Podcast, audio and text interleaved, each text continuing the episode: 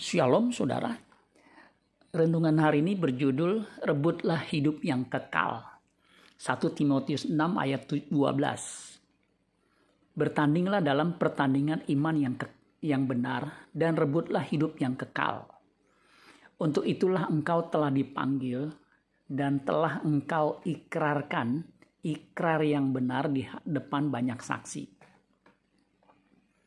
Ada pertandingan iman yang salah, yaitu beriman untuk mendapatkan keuntungan materi.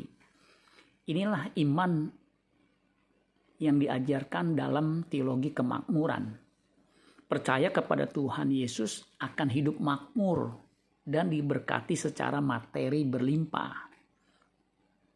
Beberapa tahun yang lalu, ada hamba Tuhan yang terkenal yang bertobat dan mengakui kesalahannya karena mengajarkan teologi kemakmuran kepada jemaat dan para pendengarnya. Dia mengakui secara terbuka kesalahannya dengan tulus. Dia mengajarkan demikian karena waktu muda terpengaruh oleh ajaran pendeta yang didengarnya.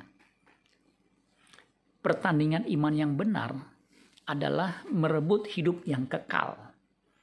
Kata merebut artinya mengambil dengan upaya serius agar menjadi milik menyelamatkan dari kebinasaan.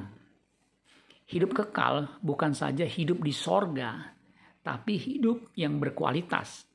Hidup sebagai anggota keluarga kerajaan Allah.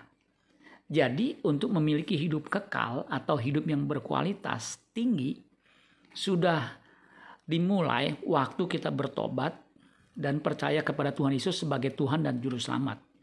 Itu dimulai sewaktu kita masih hidup. Janganlah kita seperti kisah orang kaya dalam Lukas 16 ayat 19 sampai 31 yang sewaktu hidupnya mengabaikan keselamatan jiwanya.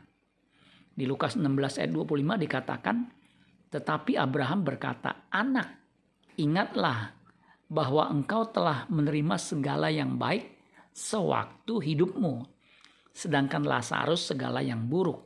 Sekarang ia mendapat hiburan dan engkau sangat menderita.